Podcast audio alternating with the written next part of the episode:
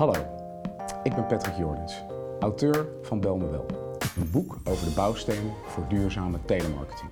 In deze serie Marketing Table Talks ga ik in gesprek met vakexperts over specifieke actuele onderwerpen. In dit geval de wijziging van de telecommunicatiewet per juli 2021 met impact op het vak telemarketing.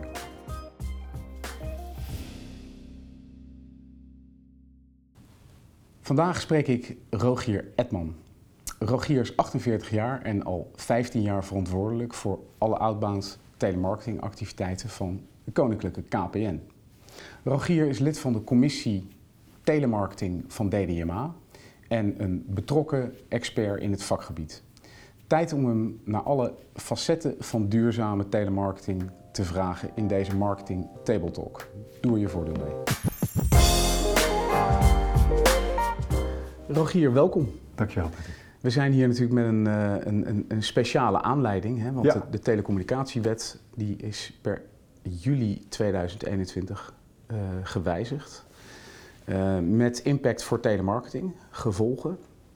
Telemarketing wordt eigenlijk alleen nog toegestaan op basis van toestemming, hè, de opt-in. De opt-in is eigenlijk een marketingterm. Dat betekent eigenlijk simpelweg dat je mensen mag bellen als ze daar toestemming voor hebben gegeven, tenzij het je klanten zijn. En ik ben heel benieuwd naar jouw visie, jouw zienswijze op deze wijziging en wat jij verwacht van deze wijziging. Ja, ehm, als ik kijk naar mijn verwachtingen over deze wijzigingen, zijn het, eh, is het op twee gebieden. Eén, de totale markt en twee, voor mijn werk wat, eh, wat ik doe voor en namens eh, KPN. Als ik bij het laatste begin, ehm, bij telemarketing bij KPN voor consumentenmarkt, eigenlijk zijn we er al klaar voor. Eigenlijk is dat al eh, voor ons gewoon goed dat we alleen consumenten of, leads, of klanten of leads bellen. eh, die daarvoor op een of andere manier hebben aangegeven dat ze daarvoor voor open staan, dat ze daarin geïnteresseerd zijn, dat wij eh, toch een beetje hebben onderzocht dat het relevant is om nu te bellen. Eh, dat, heeft, dat was voor ons noodzakelijk, omdat als we dat niet deden, kregen we allemaal klanten aan de lijn die niet, die niet op ons zaten te wachten. En dat kost alleen geld, want het is een kapitaalintensief kanaal, zoals je weet. Uh, dus eigenlijk hadden wij die slag al gemaakt. Uh, die wetgeving die formaliseert dat voor ons, kan je zeggen. Als je kijkt naar de totale markt, uh, dan denk ik dat het een hele goede ontwikkeling is. er zijn nu best wel wat partijen op de markt die consumenten of leads benaderen op een manier die anders is dan de onze. waarbij er niet een heel duidelijke reden is om te bellen, waarbij er niet een heel duidelijk afgegeven toestemming is. En daar hebben wij last van, want als wij onze eigen klanten bijvoorbeeld bellen of onze eigen leads, dan krijgen we toch om de zoveel tijd het, uh, het sentiment van, oh dat is weer een telemarketeer, of oh dat is weer een belletje, of nee ik zit er niet op te wachten. We proberen toch altijd het gesprek aan te gaan en je merkt dan met de, de boodschap die we hebben, de manier waarop wij bellen um, en het moment waarop we bellen, dat we daar goed over hebben nagedacht, dat de klant dan toch wel weer uh, daarvoor open staat. Um, maar eigenlijk wil je niet dat je die eerste hobbel, dat sentiment over telemarketing, dat je dat steeds moet nemen. Uh, daarnaast denk ik ook dat het gewoon voor de markt aan zich goed is dat we allemaal ons aan dezelfde regels houden. Ja. Dat uh, ter bescherming van de consument, maar uiteindelijk ook vanuit de opdrachtgever bezien voor een gezonde markt. Ja, ja. ja. ja. Hey, en jij hebt, je haalt net even aan, telemarketing is een uh, belangrijk kanaal voor KPN. Ook. Ja. Welke rol speelt dat in de kanalenmix? Ja. Um, nou, je moet je voorstellen dat, uh, je had al verklapt dat ik 15 jaar werkzaam ben. Dus zeg maar 15 jaar geleden was het een van de grootste afzetkanalen. Uh, want toen deed KPN mee met de toen heersende, uh, nou, toen heersende methodiek. Je kocht leadlijsten, je belde en je kon veel verkopen. Als je kijkt naar hoe outbound nu wordt ingezet, en dat is ook een proces van jaren geweest waarin ook binnen KPN wel eens uh, een paar keer geroepen is van uh, telemarketing is dood, uh, we, hier kunnen we toch niet meer mee werken. nou, vanwege afgelopen aangescherpte wet en regelgeving, maar ook wegens het sentiment wat in, de, wat in de markt heerste. we hebben onszelf ontwikkeld naar niet zozeer een extreem push-kanaal zoals het was, maar meer het datagedreven kanaal en dan twee kanten op. we, zijn heel, we zijn steeds beter geworden in het in het zoeken naar het juiste moment om een juist persoon te benaderen via telemarketing. Want we hebben ook andere kanalen die we kunnen inzetten. En we gebruiken dat moment niet enkel om te verkopen, dat is zomaar het haakje of de trigger om die klant te bellen.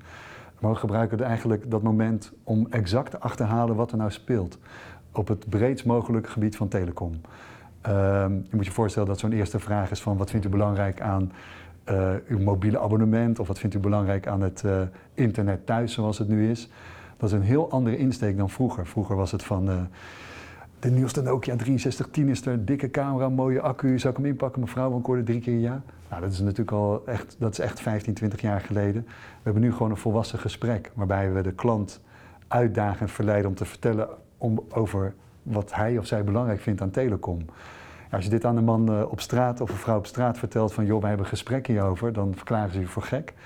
Ik moet zeggen dat ik ook elke keer verbaasd ben als ik meeluister dat, uh, dat als de agent uh, deze vraag stelt, dat ik denk van nou, de klant gaf al aan dat hij weinig tijd had en dan kom je met zo'n vraag en toch zijn we altijd wel in staat om echt waardevolle antwoorden terug te krijgen van de klant. En het mooie is nu, soms geholpen door wat techniek en soms gewoon geholpen door de agents die wij in dienst hebben, dat we in staat zijn om uit die informatie die wordt gegeven, die op het eerste oog best wel vrij algemeen is, maar juist voor die klant heel belangrijk, dat we die informatie kunnen terugleveren aan onze data-analysten. En die gaan er dan weer mee aan de slag om productverfijningen te doen, campagne-aanscherpingen enzovoort.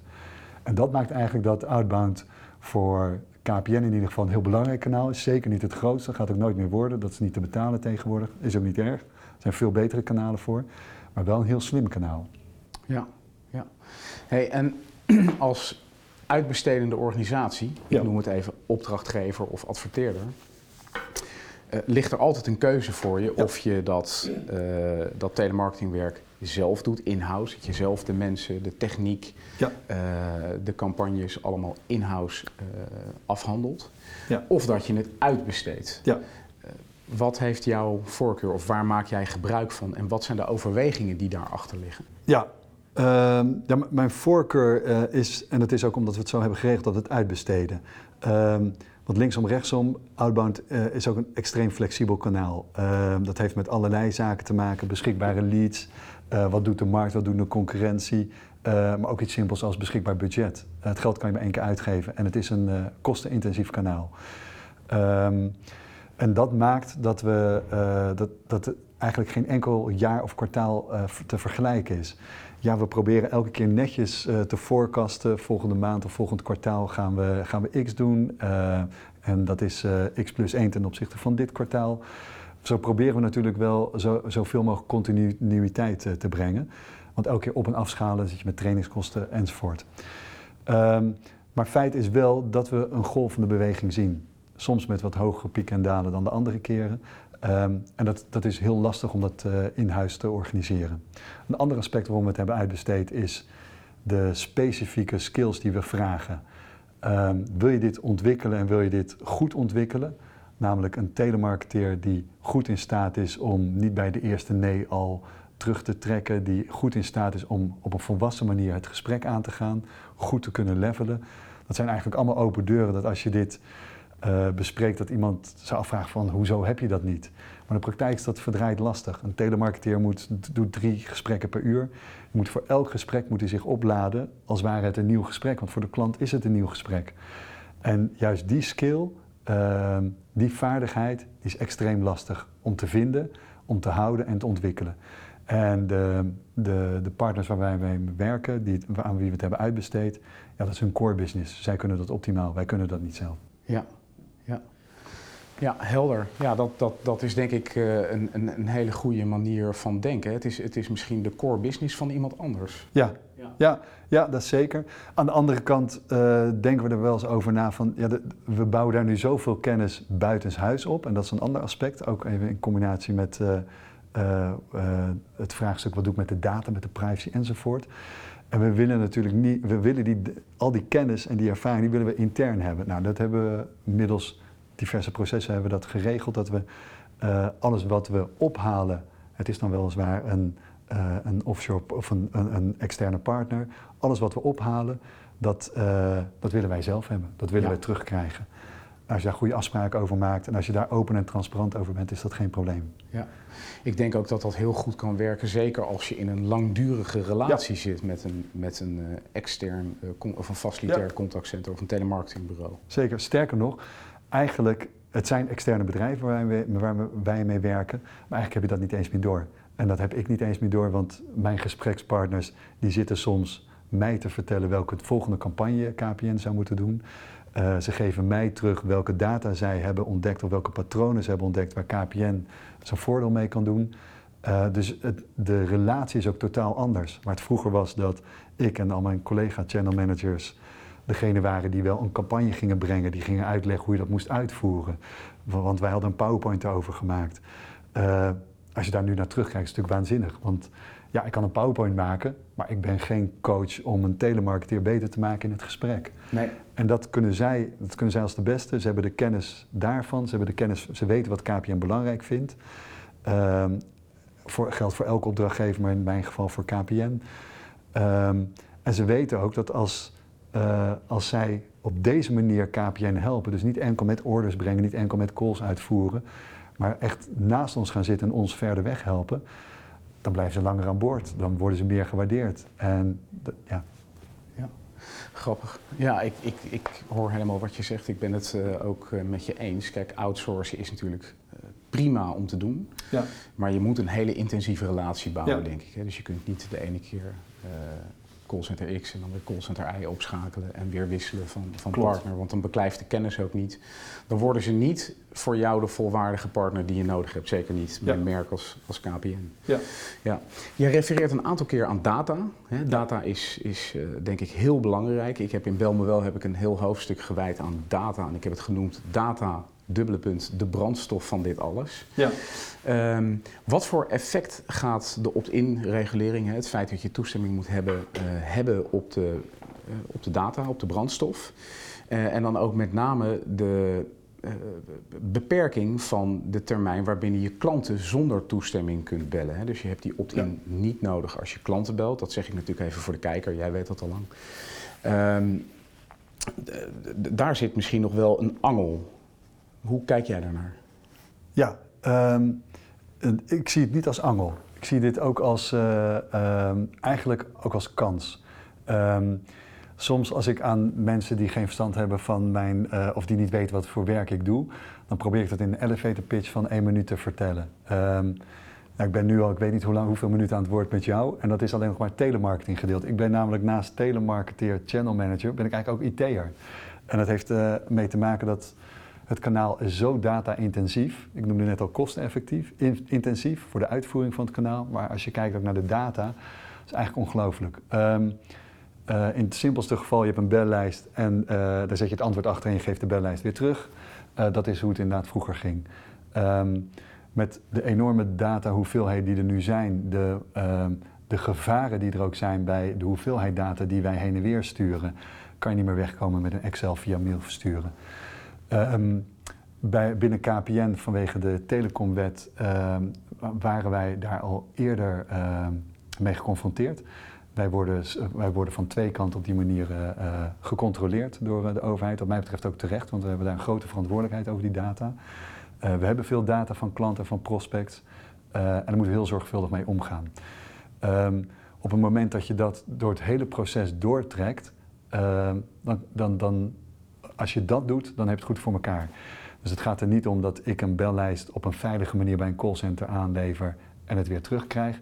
Het gaat er ook om dat de telemarketeer achter uh, met zijn headset op, dat hij weet, nee, ik schrijf niet het banknummer of van het IBAN-nummer van de klant op een papiertje en dat ik later weggooi. Uh, want dat papiertje zou eens uit de prullenbak uh, kunnen vallen door weet ik veel wie. Ja. Nou, hoe klein dit voorbeeld ook is, op het moment dat je dit bij de telemarketeers voor elkaar hebt, dan weet je dat je hele proces rondom data en dataveiligheid en databeheersing, dat dat goed is. Dus dat hebben we staan. Dat heb je ook nodig om die andere vragen die je net stelde, om, die, uh, uh, om daar invulling aan te geven.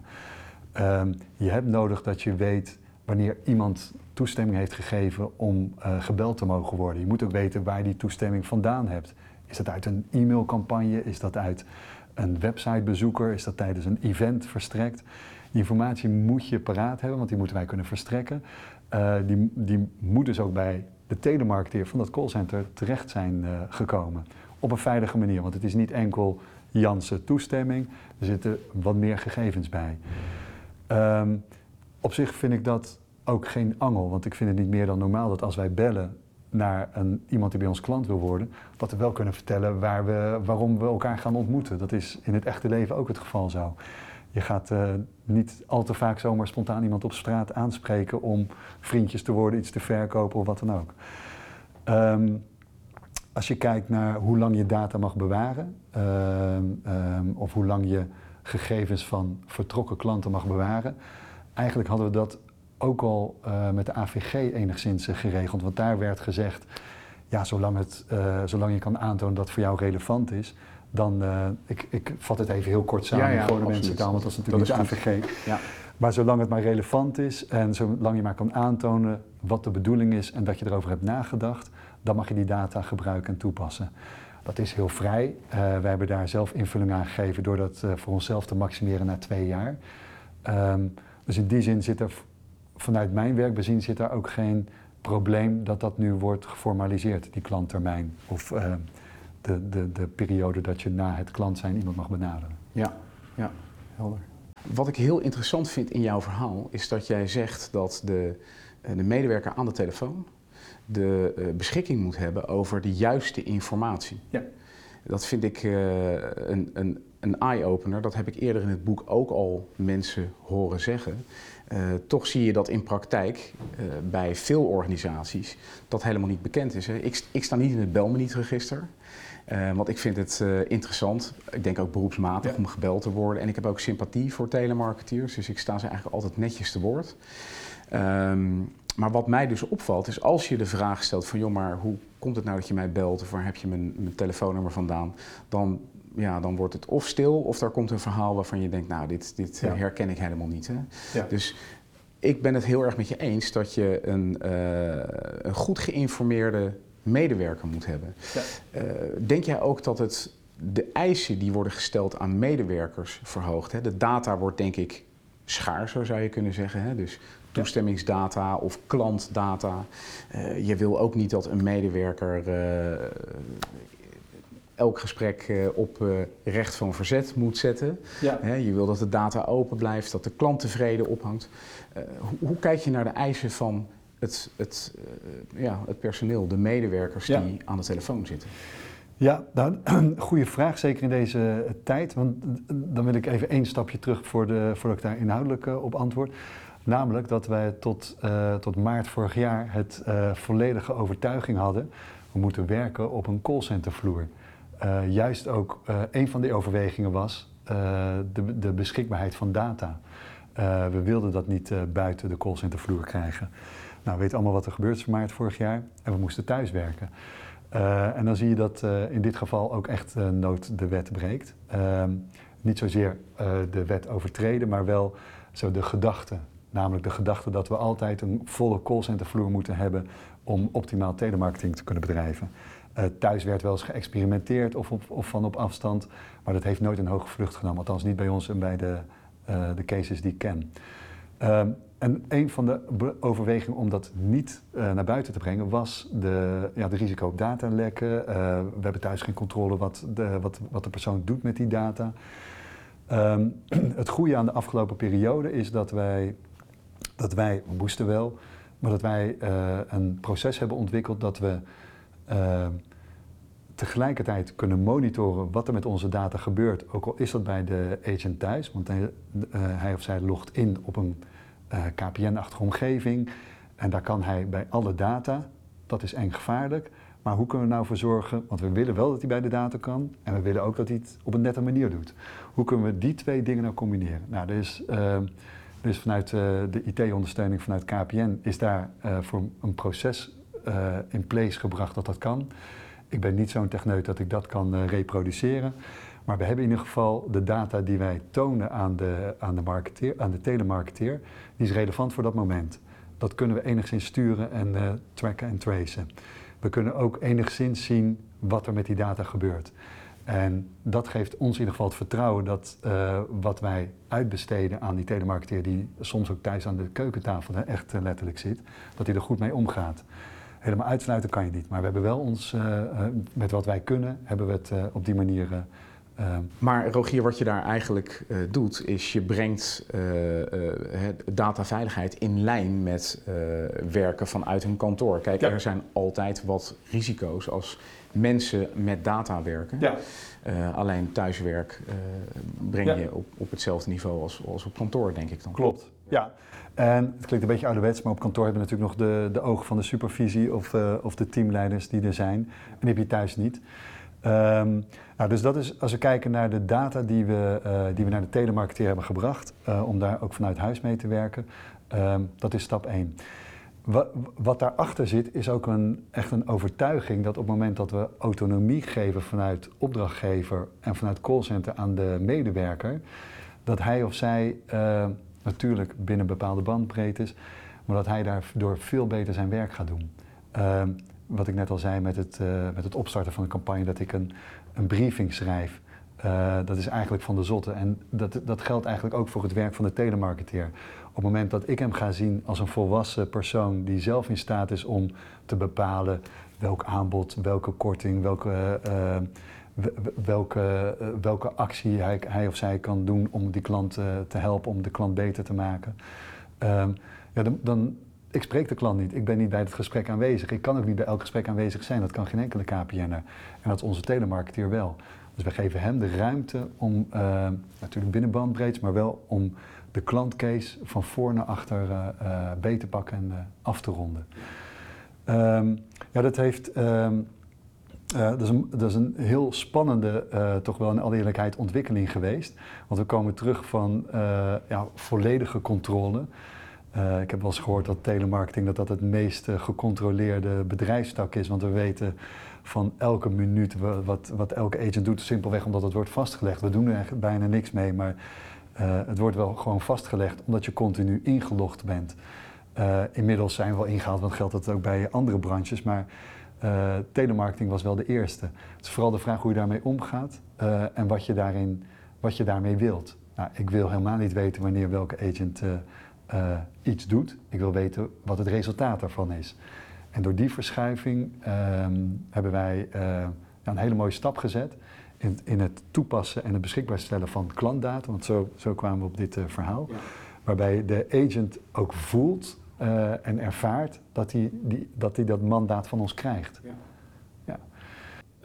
Ja, interessant. Eh, hè, want eigenlijk zeg je, je, je moet een mens meer vertrouwen geven, dan Ja. neemt hij de goede beslissingen. Ja. Eh, aan de andere kant moeten het mensen zijn die met die, eh, die vrijheid kunnen omgaan en Klopt. met eh, hè, het, eh, het eh, ja, regime van data security waar je toch onder valt, Ja. kunnen omgaan. Ja. Ehm, dus het vergt ook wel iets van het type mens wat je eh, in Zeker. de, de verkoopoperatie kan zetten, denk ik. Ja, zeker. En dat is ook tegelijkertijd ook wel een beperking van dit model. Want deze mensen die zijn, die worden door heel veel branches gezocht. Ja, En, dus die zijn in zekere zin schaars. ja. Ehm, maar je, wat wij wel merken is dat wij, eh, we- wij geven dit al in de werving en de selectie aan. Ehm, dat, dat we dit profiel wel, we zijn in staat om dit binnen te krijgen, omdat we, we doen ook wat we, wat we beloven, wat we toezeggen.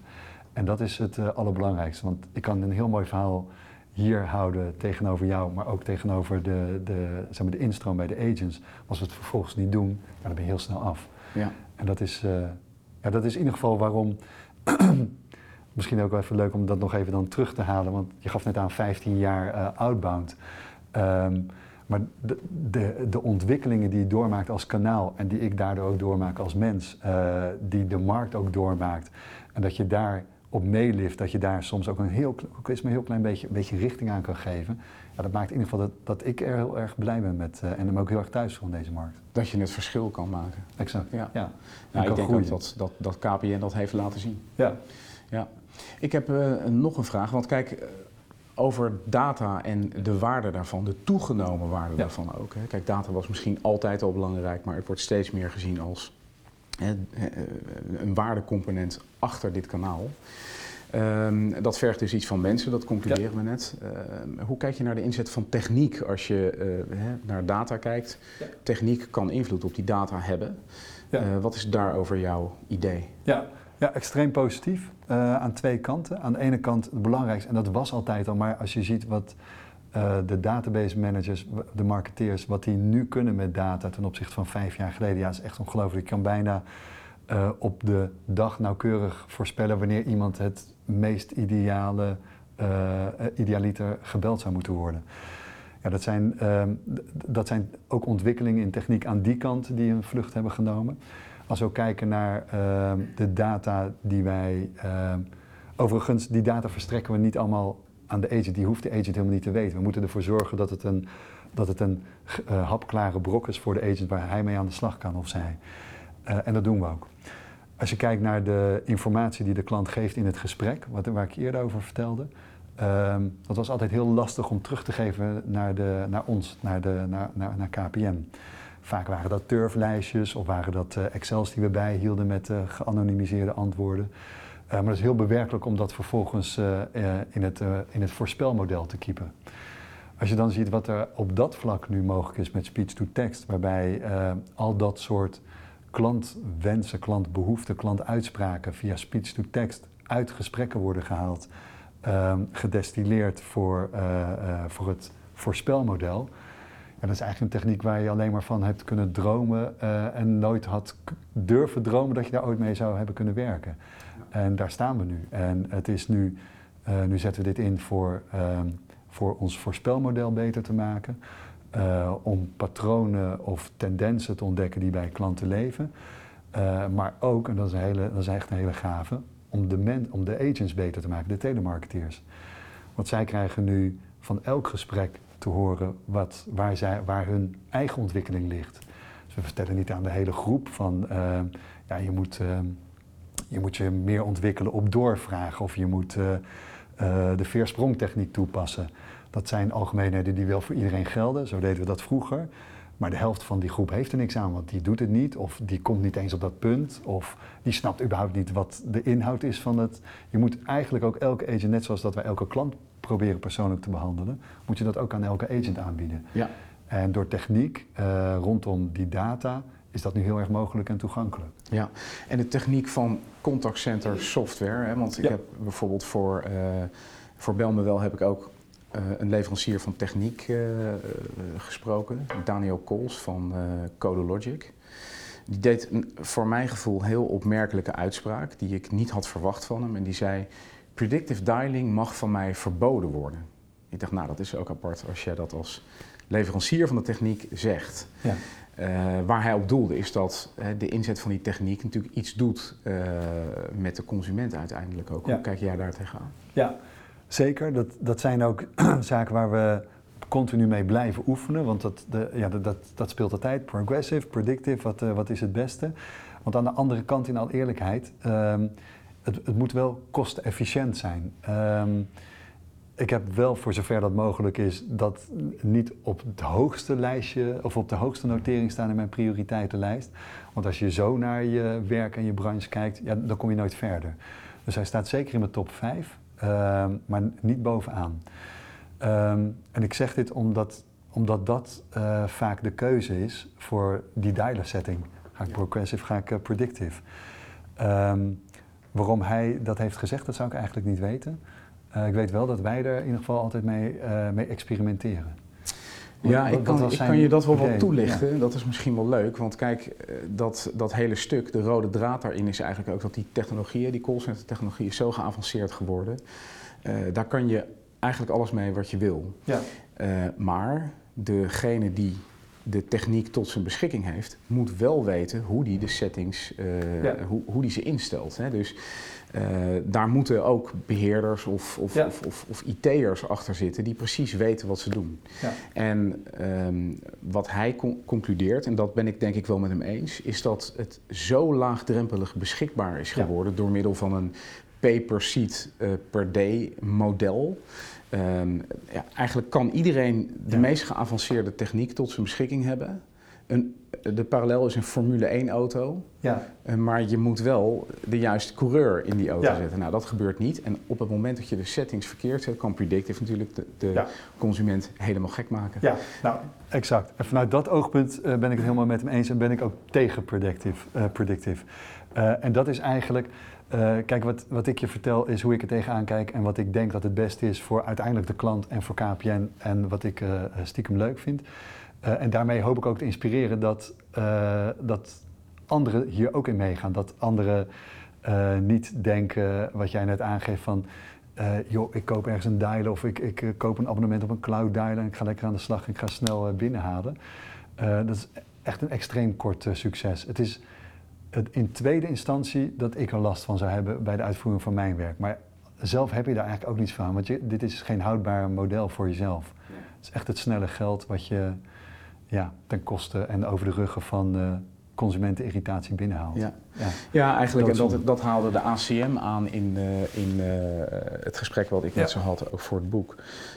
is dat je echt een heel groot verschil ziet tussen partijen die in dit kanaal acteren uh, maar die een lange termijn gedachte hebben, die een merk te beschermen hebben en die langdurig en duurzaam in het kanaal willen zitten. En partijen die er uh, opportunistisch in zitten. Ja. Uh, in, in, in dat daarop aanhakend, is dit nou de laatste wetswijziging of wijziging van regulering in dit kanaal, denk jij? Nou, we hebben bekend bellen gehad recent. We hebben nu de opt-in voor de deur staan. Nou, er zal vast nog wel. Ja, dat is een beetje de, de politiek waar. Uh, um, ik zal niet zeggen dat er altijd wel wat te verzinnen valt, maar die reageren uh, op dit vlak uh, best wel voortvarend, laat ik het zo noemen. Maar ook best wel. Um, en dat, dat komt omdat er. dat komt omdat er, mijns inziens, omdat er zoveel en zo tastbare consumentenirritatie is. Ja het hele zure hieraan is natuurlijk dat, dat, dat we met z'n allen weten waar dat vandaan komt en hoe dat te stoppen is, maar dat dat, dat eigenlijk niet wordt aangepakt. Ja.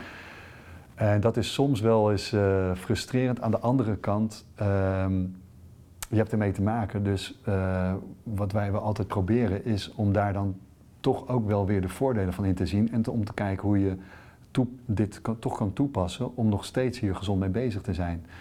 Uh, want er zijn gewoon klanten die, uh, die het niet als telemarketing ervaren, die blij zijn met de aankoop en ook niet, niet het idee hebben van, oh er is weer iets door de strot geduwd. Nee. Sterker nog, dat kan ook uh, gewoon niet meer. Het mag niet meer, het kan niet meer.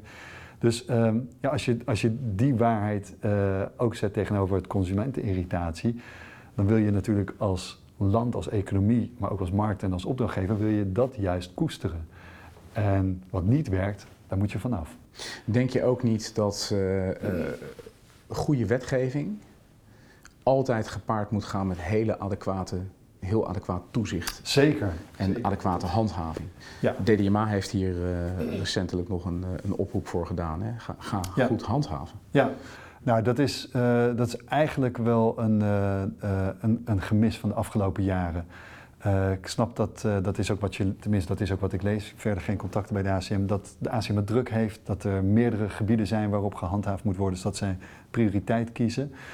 Uh, het enige is, ja, daar hebben wij wel last van. Uh, dus ik snap de overweging vanuit de ACM en ik snap ook hoe het werkt. maar op het moment dus dat je het vrijlaat, ja, dan zie je wat er gebeurt. Op het moment dat wij, we zitten hier bij het Hofplein, als daar geen stoplichten staan, ja, dan is het binnen vijf minuten is het chaos. Ja. En dat is uh, eigenlijk hebben wij dat ook gewoon nodig op de markt. En uh, ik zal niet pleiten voor een telemarketingpolitie, maar ik zal wel pleiten voor een ACM die optreedt tegen uh, signalen, die, optreedt, die optreedt tegen meerdere overtredingen. Ja. en dan, ja, dan is het vrij snel gedaan. En wat dat betreft hebben zij natuurlijk nu met de nieuwe wetswijziging ook het principe van omgekeerde bewijslast. Hè? Dus degene die wordt aangesproken moet bewijzen. Ja dat hij wel toestemming heeft gehad om te bellen met die klant of met die groep klanten ja. uh, of consumenten.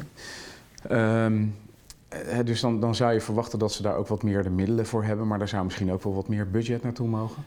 Ik, de, ik denk dat dat het is waarom het bij ACM niet zo uh, werkt zoals het zou moeten. Uh, ik denk ook dat het goed en gezond zou zijn om uh, veel promotie te geven aan de markt, aan de consumenten, waar zij inderdaad terecht kunnen voor, uh, voor, uh, voor in hun ogen overtreding of over klachten. Ja. Uh, want dat maakt het alleen maar inzichtelijk. Ja. Um, ik, ben, ik, ben er ook niet bij ik ben er zelf niet bij gebaat om dit maar lekker te laten doorgaan enzovoort. Want die wetgeving die komt er toch en consumentenirritatie neemt toe. En daardoor wordt het voor ons ook alleen maar uh, in die zin minder aantrekkelijk. Ja, vanuit dat oogpunt wordt er eigenlijk in, in sectoren eigenlijk weinig naar gekeken. Er wordt gekeken naar de ACM uh, heeft toezicht en handhaving en zet dat in om uh, de consument te beschermen. Dat is natuurlijk ook waar. Zeker. Hè, maar de, de, derde letter van ACM is markt. Hè. Zij ja. zijn natuurlijk ook om een eerlijke markt te creëren. En partijen die het wel goed doen, die last hebben van partijen die het niet, het niet goed doen of die over de gaan. Ja. Uh, ja, die hebben natuurlijk last daarvan. Dus het is ook uh, belangrijk voor het creëren van een eerlijk speelveld. Exact. Waarin jij jouw kanaal tot je beschikking kunt houden. Ja, ja, en dat is de, de belangrijkste overweging. En dat dat leidt tot verlaging consumentenirritatie enzovoort. Dat, uh, daar ben ik ook heilig van overtuigd. Ja. Uh, en dat is, ja, dat is eigenlijk waarom ik een voorstander en een pleitbezorger ben van handhaving inderdaad. Ja. Op een gezonde manier. Ja, ja, ja zeker. Ja, terecht en, en logisch. Een laatste vraag die ik heb. Hè. Het telemarketingkanaal, uh, want het is geen sector, zeg ik altijd. Hè. Uh, sectoren maken gebruik van dit kanaal. Ja. er wordt heel veel gesproken over de telemarketingsector. Nou, dat is zeker niet homogeen. Hè. Je hebt om, om, te beginnen al een groot verschil tussen zakelijke telemarketing, tussen ondernemingen ja. onderling en telemarketing op burgers of consumenten. Um, maar het telemarketingkanaal vind ik verdient van jou nog een laatste tip. Wat, wat kan jij de markt meegeven om uiteindelijk een duurzame toekomst in te gaan met dit kanaal? Ja, als ik dan kijk wat, um, wat ik, waar ik zelf heel erg in geloof en waar ik nu ook bezig ben, ik ben er nog niet. Uh, ik wil hier nog verder in groeien. Uh, als kanaal, als, uh, als persoon die, die dit kanaal inzet. Is toch zorg dat je, zorg dat je mandaat krijgt wat voor jou goed voelt bij de telemarketeer. En als je dat doet en dat vertrouwen geeft, dan uh, zijn er heel veel zaken uh, rondom die je daarvoor moet regelen. Je moet goed uh, de data regelen, je moet goed de instructie, je moet je werving en selectie op orde hebben, je moet je systemen processen op orde hebben, ja. je moet je campagnes op orde hebben, want je kan niet zomaar iedereen gaan bellen. maar dat mijn vertrekpunt is nu, de telemarketeer staat centraal en ik geef hem veel mandaat. Ja. En dan moet ik die, al die andere zaken wel in orde hebben, op orde hebben. Door op deze manier naar het kanaal te kijken, komen er echt hele gave dingen los die ik eerder niet eens zelf had bedacht. Uh, want er komen ook dingen los juist vanuit het kanaal zelf naar ons toe. Uh, waardoor het kanaal aan zich waardevoller voor ons wordt. Niet alleen in orders of in de omzet, maar ook in informatieteruglevering. Ja. En dat is nog wel een ontwikkeling waar in ieder geval, ik, ik zal niet zeggen in de kinderschoenen, maar wel aan het begin sta. Daar zijn de mogelijkheden nog, ja. nog onbegrensd, zeker. Ja. Nou, dat lijkt me echt wel een tip waar de markt zijn voordeel mee kan doen. Zeker van een voorloper in de markt. Niet alleen omdat je er lang in zit, maar ook omwille van het merk wat je vertegenwoordigt en de ervaring die is opgebouwd binnen KPM met dit kanaal. Ja. Dus daar wil ik je ontzettend voor bedanken. Dank je wel voor dit leuke gesprek. Zeker. En uh, ik wens je veel succes na 1-7. Dankjewel, hetzelfde.